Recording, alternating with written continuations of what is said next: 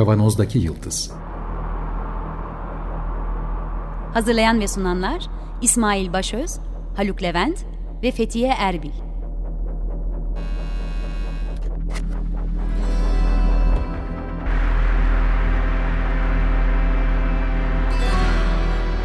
Bugünün penceresinden geleceğin ayak izleri. Merhabalar Açık Radyo'dayız. 95.0 Kavanoz'daki Yıldız programında sizlerle beraberiz. Geleceğin ayak izlerini sürmeye devam ediyoruz. Haftalardır beyin çevresinde dolaşıyoruz. Beynin kanalları, kıvrımları içerisinde yolumuz bulmaya çalışıyoruz, keşfetmeye çalışıyoruz biraz.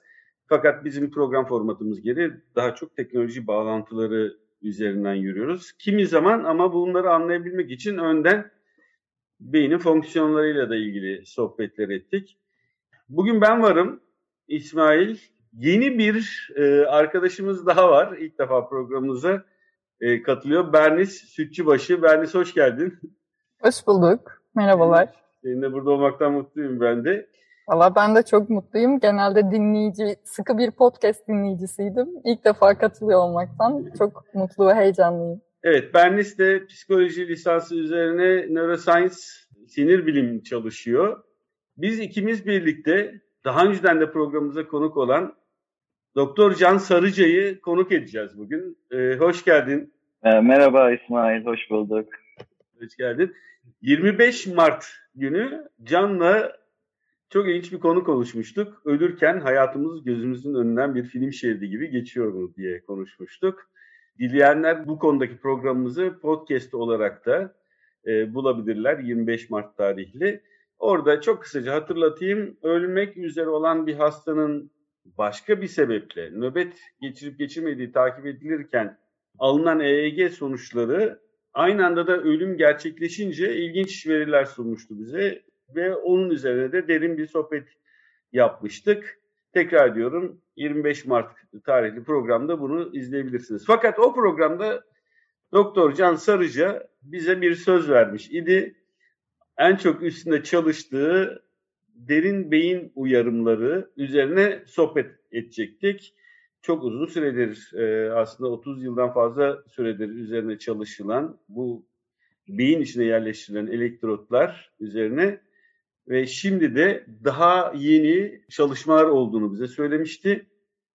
Can Sarıca Toronto'da tekrar belirteceğim Cerrahpaşa Tıp Fakültesinden mezun olduktan sonra beyin cerrahisi ihtisası yaptı Türkiye'de ve yaklaşık iki buçuk yıldır Toronto'da neuroscience üzerine çalışmalarına devam ediyor. Ee, doğru mu söyledim şu ana kadar herhalde değil mi? Evet. Evet. Evet. evet. Peki. Şimdi başlayalım. Derin beyin uyarımları üzerine. Be- beyine çip yerleştiriyorsunuz değil mi hocam? Ee, şimdi öncelikle beyni uyarmak için tek yöntem elektrik değil. Hani şimdi derin beyin stimülasyonu deyince şu an klinikte kullanılan yöntem o olduğu için o geliyor akla ama ha, beyindeki herhangi bir yeri uyarmak için e, manyetik dalgalar da kullanılabiliyor. Ses dalgaları da kullanılabiliyor. ışık da kullanılabiliyor. Ama bunlardan en yaygını şu an için elektrik ve bizim klinikte kullandığımız hastalığı tedavi etmek için kullandığımız yöntem elektrik kullanarak yerleştirdiğimiz o kablolar vasıtasıyla hastaları tedavi ediyoruz açıkçası. Yani derin beyin altı çizelim. Burada tedavi amaçlı şimdi bahsedeceklerimiz daha çok. Doğru mu? Evet, şu an isterseniz ilk seferde evet sadece elektrik kullanılan ve tedavi amaçlı olan bizim klasik derin beyin stimülasyonu deyince aklımıza gelen şeyden bahsedelim. Hani bu nasıl bir tedavi? Kişinin beynindeki herhangi bir yere biz bu elektrotları yerleştirebiliyoruz. Stereotaksi dediğimiz bir yöntem var. Milimetrik düzeyde e, istediğimiz herhangi bir noktaya bu bizim elektrot dediğimiz kabloları yerleştirebiliyoruz. Yani bu sapmalar genelde 1-2 milimden fazla olmuyor. Çok keskin sınırlı yapabiliyoruz bu işi. İki tane sorum var hemen. Bir, bu Hı-hı. noktaları tespit etmek için böyle tam doğru yeri tespit etmek için çünkü her insan da aynı yerde aynı noktada olmayabilir değil mi? Evet evet şöyle yapılıyor bu. Bu stereotaksi denilen yöntemleri ta 1940'lı yıllara kadar uzanıyorlar. Yani bir Spiegel ve işte Spiegel'in daha önderliğinde yapılan stereotaktik çalışmalar. Sonrasında Lexel'in e, yapmış olduğu çalışmalar sayesinde biz neredeyse 1940'lardan beri beynin istediğimiz bir noktasına bu elektrotları yerleştirebiliyoruz. Neredeyse 1-2 milim farkla. Bunu yapmadan önce görüntüleme yöntemleri yapılıyor. Hani şu anki görüntüleme yöntemi MR. Hastalara çerçeve takıyoruz diyeyim hani bir frame takıyoruz. Ee, bu çerçeve kafasına, şöyle bir kafasının çevresine kafasına kafasının çevresine. Bunun şöyle bir mantığı var. Bu çerçeve bir hacim oluşturuyor ve bu hacim içerisindeki bizim herhangi bir noktanın koordinatı belli. Yani x, y, z koordinatlarında. E, nereye istersek o koordinatı arklarla seçtiğimiz zaman oraya e, yerleştirebiliyoruz bu şeyi. Herkesin de nereye yerleştireceğimizi MR'ından bakıp görüyoruz. Yani önce bu frame'i yerleştiriyoruz. Sonra hastanın MR'ını çekiyoruz ya da tomografisini çekiyoruz. Ondan sonra da yerleştirmek istediğimiz noktayı belirliyoruz. Onun koordinatlarına uygun bir şekilde de bu elektrotları yerleştiriyoruz. Yani bu şu anki teknolojide artık hani bu şeyi çerçeveyi takmamız da gerekmiyor. MR kendi başlı başına bu hacmi bize oluşturabiliyor. E, hastayı direkt MR cihazına sokup yeni yeni aparatlar var. Onları kullanarak yani hiç çerçeve kullanmadan da hastanın beynindeki istediğimiz bir yere o e, elektrodu yerleştirebiliyoruz artık. Süper. Peki bu yer ikinci sorum da bu olacaktı. Bu yerleştirme nasıl oluyor? İnvazif yani vücudun içine girerek yapılan bir iş. Aynen öyle. Derin beyin stimülasyonu yani nispeten beyin cerrahileri açısından yani yapılan cerrahiler arasında güvenli bir cerrahi olarak görülse de yani çok aslında çok olmasa da invazif bir iş. Yani kafası hastanın kafasına kemiği açıyoruz. Bir neredeyse bozuk para kadar bir e, iki tane delik açıyoruz ve o deliklerden bu elektrotları ilerletiyoruz. Yani bu bir ameliyat aslında. E, non-invazif bir şekilde yapılan bir iş değil. E, o yüzden de hani bu şeyin komplikasyonları var. Yani hastalarda beyin kanamaları, enfeksiyonlar yaşayabiliyoruz. Cerrahi bir işlem çünkü bu. Heh, tamam onu söyleyecektim. Şey, Can Hocam burada invazif olan kısmı o kafatasını açma kısmı Açmak. galiba değil mi? Evet. Elektrotu evet. yerleştirme kısmı değil aslında. O Yok kadar elektrot da içeri ilerliyor ama. Elektrot içeri ilerliyor. Asıl komplikasyona yol açan zaten elektrodun içeri gitmesi. Yani 10 santim Hmm. falan yaklaşık içeri gidiyor. Ve o giderken yol üstünde mesela bir damara çarpabiliyor ya da önemli bir yapıya çarpabilir ve hani orada kanamalara yol açabiliyor. Ee, bu nedenlerden dolayı da işte hastalarda komplikasyonlar görebiliyoruz. Ama çok yaygın değil yani yüzde bir iki civar ciddi bir şey olması. Hmm. Hani yani 100 hasta ameliyat ediyorsak bir tanesinde böyle çok ciddi bir şey başımıza ya geliyor ya gelmiyor gibi. Ya da ameliyat ortamı olduğu için herhalde zaten müdahale etme şansı oluyordu. Ya müdahale ameliyatta genelde ameliyattan sonra anlaşılıyor zaten bu tarz şeyler. Yani hemen kanamalar böyle küçük damarlara çarptığın için hemen kana, kanamıyor. Hasta akşamına kötüleşiyor genelde hani böyle şeyler olursa ciddi bir kanama olursa. Hani ameliyat ortamından öyle bir müdahale çok da derinde olduğu için çok da müdahale edilmiyor zaten bu tarz kanamalar olursa. Ama çok az e, yani çok yüksek görülen bir komplikasyon olmadığını belirttik. Peki bu elektrodu içeriye yerleştirdik. Ne yapıyor o elektrot orada? elektrik üretiyor. Şimdi bir tane de pil koyuyoruz. Bu pili hastanın e, tam göğüs göğüs kafesine yerleştiriyoruz ve kablolar vasıtasıyla o elektrota pili bağlıyoruz. Pil düzenli olarak elektrik üretiyor ve o elektrik o ara kablolar vasıtasıyla elektrotlara ulaşıyor ve oraya elektrik veriyor. Sürekli kronik bir şekilde elektrik veriyor. Ha, elektrik nasıl oluyor da e, beynin mekanizmalarını etkiliyor? Hani bunun için bir sürü aslında şu an önerilen mekanizmalar var. Ama en yaygın kabul göreni, şimdi mesela Parkinson hastalığı üzerinden örnek vereyim. Parkinson hastalığından da kısaca bir bahsedeyim. Orta beyinde bulunan substantia nigra ismi verilen bir bölge, bir çekirdek var. Bu bölgedeki nöronların hasar görmesi, ölmesi sonucunda buradan salgılanan dopamin üretiminin azalması, e, vücutta m, hareket sertliklerine, çokça titremeye e, ve hareket koordinasyonunun bozulmasına yol açıyor ve çok fazla da aslında tedavisi de yok. En başta biraz bu dopamini yerine koymak için kullanılan bazı ilaçlar var. Fakat zaman içerisinde de bu ilaçların etkisi azalıyor. İşte bu noktada bu titremeleri kontrol etmek yani bulguları azaltmak için kullanılan yöntemden bahsediyoruz. Beyin içine yerleştirilen elektrotlarla buradaki elektrik akımını bir şekilde düzenleyerek bu titremelerin azalmasından bahsediyoruz. Evet evet. Şimdi Parkinson hastalığında sorun e, düşük frekanslı patolojik dalgalar ortaya çıkıyor. Bunlar bizim e, beyin yolaklarımızda ilerliyorlar ve hastalığın belirtilerine neden oluyorlar.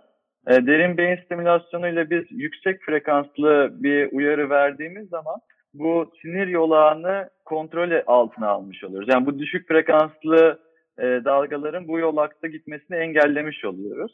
Hani basit bir örnek vereyim herkesin anlayabileceği. Beyindeki o yolakları otoban gibi düşünün. Yani otobanda hız sınırı 120 olsun. Herkes 120 ile gitse hiçbir sorun yok. Hiçbir sorun çıkmıyor. Ama düşünün ki bir araba geliyor 250 kilometre hızla gidiyor ve zigzag yaparak gidiyor. Hani bu patolojik bir sorun çıkartıyor ortaya. DBS derin beyin stimülasyonu şey gibi çalışıyor. Hani Formula 1 seyrediyorsanız böyle hani güvenlik arabası girer ya bazen pistte böyle yağmur yağar bir şey olur falan. Onun gibi çalışıyor. En öne geçiyor diyelim. Bütün yola 120 ile gitmesine sağlıyor. Yani bütün yola aslında işte jamming deniyor İngilizce buna. Kendi kontrolü elektriksel kontrolü altına alıyor. Yani o düşük frekanslı dalgaların gezinmesine engel oluyor. Çalışma mekanizması bu şekilde. Ama Peki burada şey oluyor mu acaba? Yani e, bir süre sonra bu bizim long term potentiation, long term depression dediğimiz süreçler var. Yani beynin bir süre sonra sinaptik plastisite geliştirmesi ve işte gelen uyarıya adapte olması diyebiliriz belki kabaca. Ee, böyle derin beyin uyarımı olduktan sonra bu frekansı arada değiştirmek gerekiyor mu? Beyin buna adapte oluyor mu uzun vadede? Şimdi bir akut etkileri var derin beyin stimülasyonunun. Hani bu hücresel düzeyde başlıyor. Yani iyon kanallarıyla etkileşiyor. Bu sizin verdiğiniz frekansa göre direkt uyarı da yapabiliyorsunuz. Direkt inhibisyon da yapabiliyorsunuz. Bir de bu kronik etkileri var. Kronik etkileri de network üzerinde plastisiteye dediğiniz plastisitelere yol açıyor. Akut etkileri hemen görüyoruz. Dediğim gibi hani tremoru hemen durdurabiliyoruz. Kronik etkiler gene Parkinson hastalığında hastalığı modifiye etmek için kullanılabiliyor. Ama asıl onların şeyi daha böyle network hastalıkları, depresyon, Alzheimer o tarz hastalıklarda daha çok e, bir sürü çalışma var yani DBS'in yol açtığı plastisiteyi ölçen bir sürü değişik hastalıkta şey yapılmış. E, benim ilk bahsettiğim akut e, etkileriyle. Ben çok uzun yıllardır biliyorum. Mesela biraz sonra bahsedeceksin en sık kullanılan Parkinson hastalarında e, yapılıyor. E, 1987'de onay almış e, Amerika'da. Evet. Yani bayağı bir olmuş. Yok. 87'de Fransa'da Benavit ilk kez pil kullanarak bu şeyi yaptı Parkinson hastalarında. Ama FDA onayı biraz daha sonra. İlk FDA onayı esansiyel tremor alıyor. 2000'li yıllarda 99 ya da 2000 olması lazım. Sonrasında Parkinson, Parkinson hastalığı alıyor. Sonra da en son daha yaklaşık bir 10 yıl sonra bunları da distoni dediğimiz bir hareket bozukluğu var. O şey yapıyor. En son FDA onayı alansa epilepsi. Yani epilepsi de şu an FDA onaylı. Yani dört tane hastalık için şu an Amerika'da bu iş onaylı bir şekilde yapılabiliyor.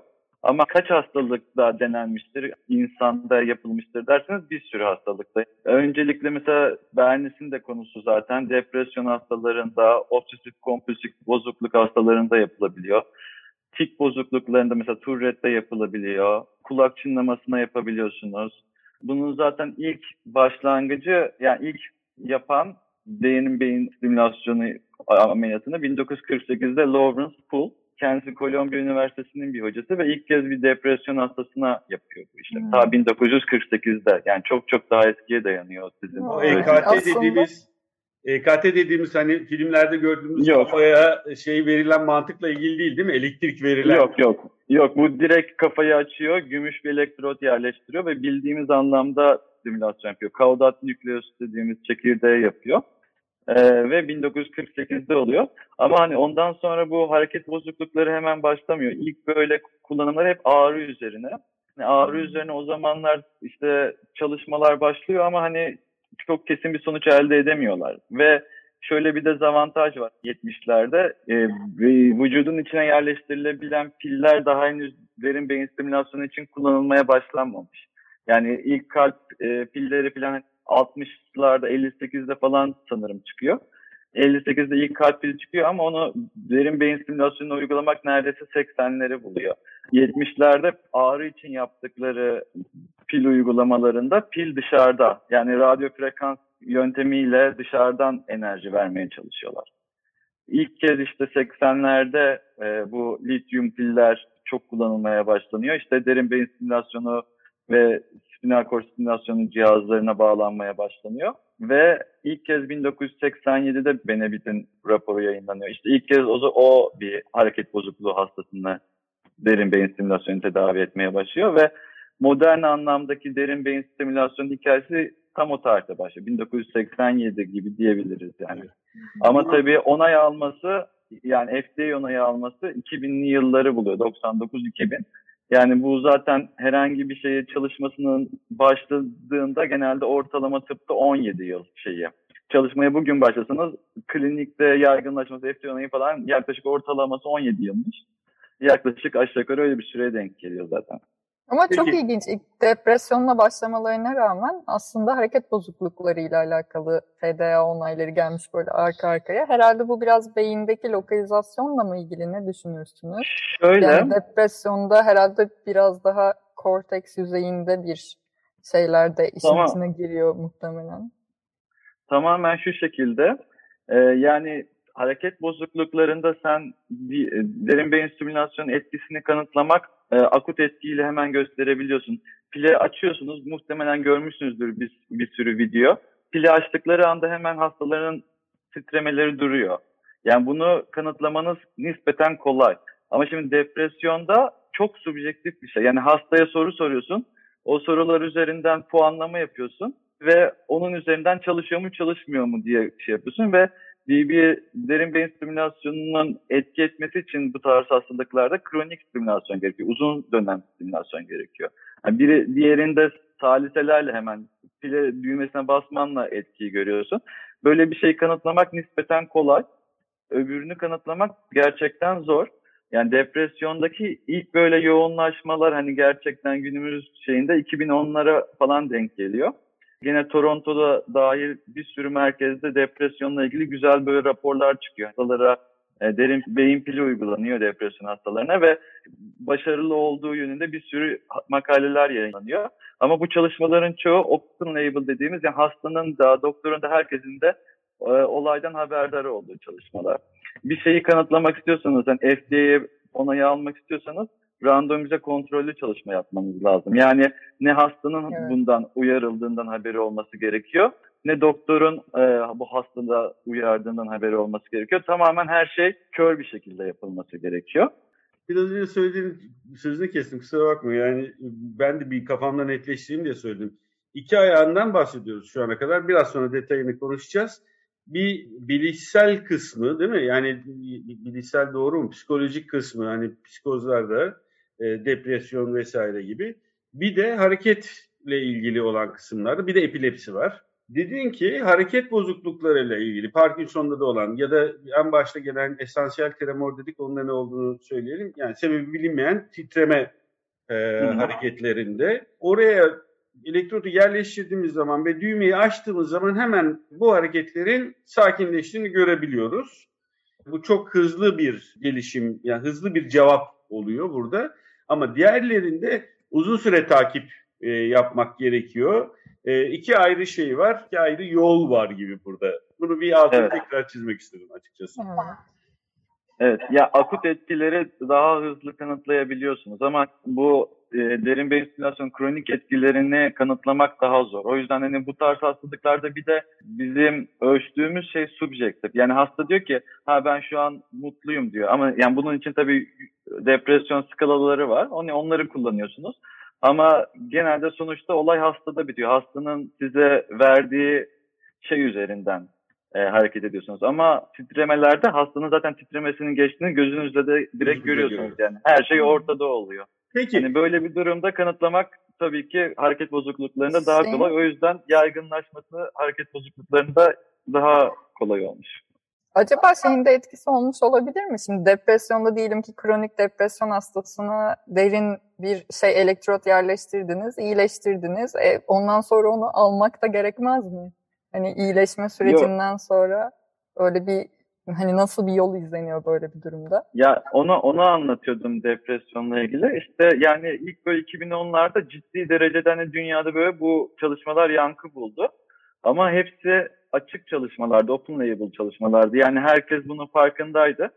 Doktor diyordu ben sana pil taktım. Hasta diyor Aa, ben çok fayda gördüm diyordu. Yani böyle bir şekilde gidip hani siz şey yapamazsınız. Yani tıpta bir yerden bir onay alamazsınız. Randomize kontrollü çalışmalara ihtiyacınız var. İşte depresyonda da iki tane büyük çalışma yapıldı. Bir tanesinde 6 ay boyunca hastaları ya uyarı kısmına aldılar ya uyarı olmayan kısmına aldılar. Yani iki hastaya da uyarı, iki hasta grubunun da uyarı alıp almadığını hastalar da bilmiyordu, doktorlar da bilmiyordu. Ve 6 ay sonunda baktılar ki herhangi bir etkisi yok diye. Yani istatistiksel anlamda bir şey yapamıyor. Ya yani çok büyük çalışmalardı bunlar. Milyon dolarlarla fonlanan. Bu şey oldu biraz da. Yani hayal kırıklığı uğrattı açıkçası camiada. Ama aynı hastaları tekrardan hani 6 aydan sonra uyarılıp uyarılmadığı söylendiği zaman tekrardan uyarı devam ettiği zaman 18. ayda tekrar kontrol ediyorlar. Hastaların yarıdan fazlası fayda gördüğünü söylüyor bu uyarıdan. Ama siz bunu siz bunu kör olarak kanıtlamanız lazım. Hani bu tarz bir onayı almanız için. Tabii, evet, hani bu tarz kör bir çalışma epilepsi de yapıldı işte en son. Ee, ve epilepsi onayını aldı. Hani epilepside faydalı olduğu gösterildi. Diğer bir ilginç hastalık da isterseniz o da gene sizin alanınızla ilgili Alzheimer hastalığı. Toronto hani bu konuda çok aktif bir yer. Şimdi ilk hatta ilk Alzheimer hastasına derin beyin stimülasyonu burada yapılıyor. E, ameliyathanede bu şeyi de söylemeyi unuttum. Yeme bozuklukları içinde kullanabiliyoruz gene derin beyin stimülasyonunu. Hipotalamus bölgesi uyarılıyor yeme bozukluklarında. Ee, bir gün ameliyatta oraya elektrotu koydukları zaman böyle e, yeme bozukluğu olan bir hastada hastanın birden böyle geçmişte olan bir olayı böyle 30 sene önceki olayı birden hatırlayıp ve onu anlatmaya başladığını görüyorlar. Ameliyatlar bu arada hasta uyanık yapılıyor.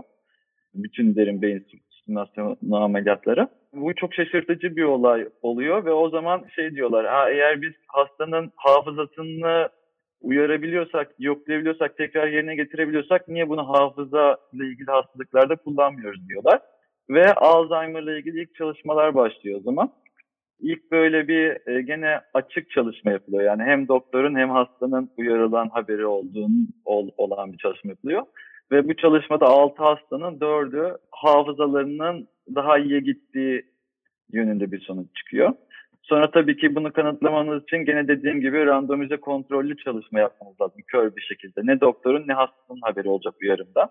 Böyle bir çalışma yapılıyor. Advance diye bir çalışma. Burada Kanada Toronto merkezli yapılıyor.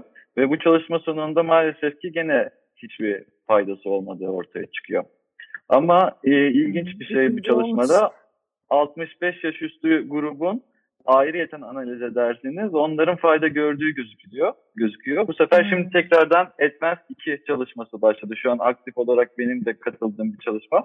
65 yaş üstündeki hastalara sadece bu derin beyin hmm. pilini uyguluyoruz ve gene Sanki kör bir çalışma. ihtiyaç halinde daha fazla hastalar fayda sağlıyorlarmış gibi görünüyor yani. İhtiyaç yoksa ekstra bir hafıza gücü almıyoruz da ihtiyaç varsa sanki daha etkili gibi.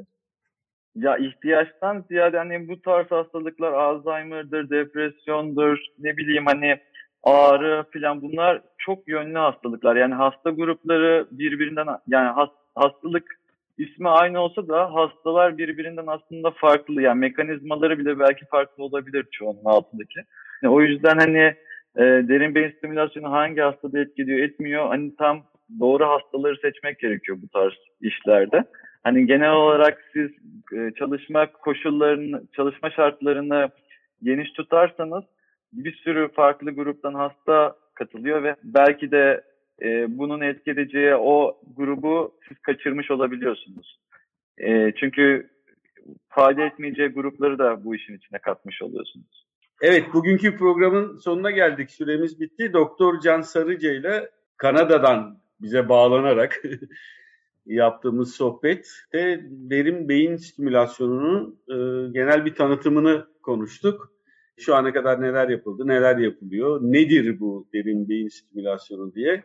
Ama önümüzdeki hafta devam edeceğiz. Önümüzdeki hafta bize söz verdiği gibi bilim kurgu tadında olan e, çalışmalarını, yeni çalışmaları en son ne durumda olduğumuzu konuşacağız. Çok teşekkür ediyoruz Can. Bernis de e, buradaydı. Yine devam edeceğiz önümüzdeki hafta. Bu programın size ulaşmasını sağlayan bütün Açık Radyo çalışanı dostlarımıza çok teşekkür ediyoruz. Program destekçimize çok teşekkür ediyoruz. Önümüzdeki hafta tekrar görüşmek üzere. Sağlıkla kalın. Görüşmek üzere. İyi günler. Görüşürüz.